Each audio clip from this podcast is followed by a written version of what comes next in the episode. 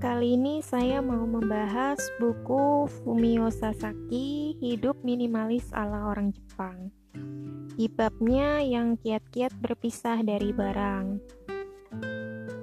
Buang jauh-jauh pikiran bahwa kita tidak mampu membuang barang.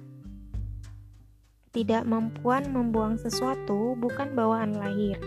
Rasa tak mampu itu ada di pikiran kita belaka. Di bidang psikologi, ada istilah ketidakberdayaan yang dipelajari. Kita sebetulnya bisa menyingkirkan berbagai benda, tapi kita terlanjur menyerah karena sudah gagal berulang kali.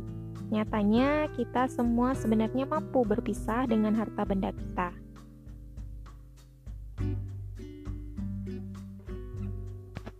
Sekarang, kita harus tahu alasan mengapa sejauh ini kemampuan itu belum terwujud dan penyebabnya bukanlah sifat.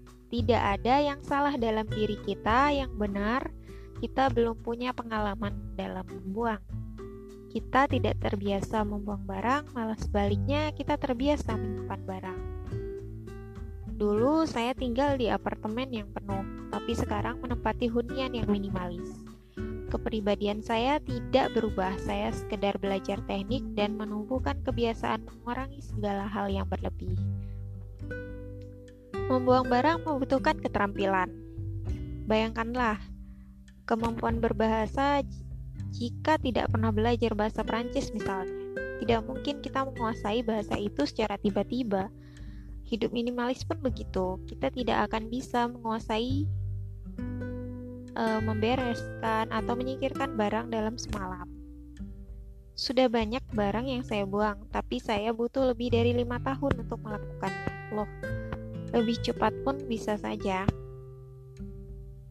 Tindakan membuang barang itu sendiri sama sekali tidak memakan banyak waktu. Hari pertama kita membuang sampah, hari kedua kita menjual koleksi buku dan CD musik. Hari ketiga kita menjual perangkat rumah tangga elektronik, hari keempat menjual atau menyumbangkan perabot besar. Butuh hanya sekitar satu pekan untuk mengurangi jumlah kepemilikan kita. Tak peduli sebanyak apa barang yang kita miliki, jadi kendalanya tidak terletak pada membuang, melainkan saat mengambil keputusan. Namun, sama dengan keterampilan berbahasa yang akan meningkat jika diasah. Proses membuang barang pun akan lebih lancar jika sering dilakukan. Semakin sering dilakukan, semakin singkat pula waktu yang kita butuhkan untuk mengambil keputusan dan semakin mudah bagi kita untuk berpisah dari barang. Jadi, membuang barang adalah tentang keterampilan. Dengan membuang, sebetulnya ada yang bertambah. Sepintas, membuang barang memang mengesankan kondisi kehilangan.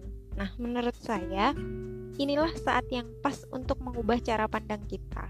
Mungkin kita sebelumnya berpikir menyikirkan barang-barang berlebih itu sebetulnya memberi kita banyak hal.